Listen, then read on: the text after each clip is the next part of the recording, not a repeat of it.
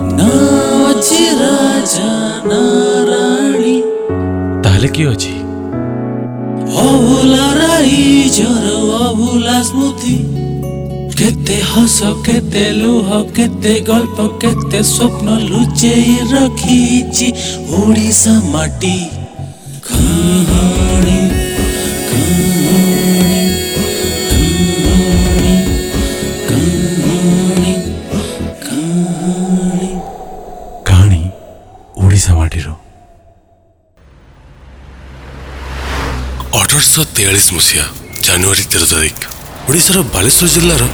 ଗୋଟିଏ ମଧ୍ୟବିତ୍ତ ପରିବାରରେ ଜନ୍ମ ହେଇଥିଲା ତାଙ୍କର ପ୍ରାୟ ଦେଢ଼ ବର୍ଷ ହେଇଥିଲା ବେଳେ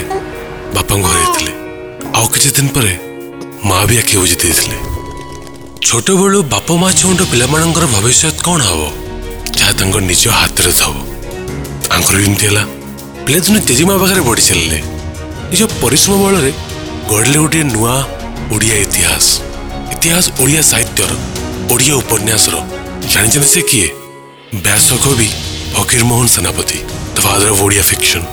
Rebati patent medicine ଅଧର୍ମବିତ ଛଅ ମାଣ ଆଠ ଗୁଣ୍ଠ ମାମୁଁ ପ୍ରାୟଶ୍ଚିତ ଆହୁରି ବହୁତ ଅନେକ ଉପହାର ଦେଇଛନ୍ତି ଓଡ଼ିଆ ସାହିତ୍ୟକୁ ଆଉ ତାଙ୍କ ସ୍ମୃତି ଓଡ଼ିଶା ମାଟିରେ ସବୁଦିନ ପାଇଁ ପ୍ରସ୍ଫୁଟିତ ହୋଇ ରହିବ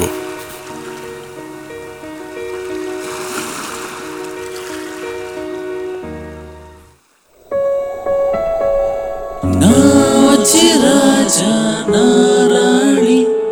ତାହେଲେ କିଏ ଅଛି ଅଭୁଲା ରାଇଜର ଅଭୁଲା ସ୍ମୃତି କେତେ ହସ କେତେ ଲୁହ କେତେ ଗଳ୍ପ କେତେ ସ୍ୱପ୍ନ ଲୁଚେଇ ରଖିଛି ଓଡ଼ିଶା ମାଟି କାହାଣୀ କାହାଣୀ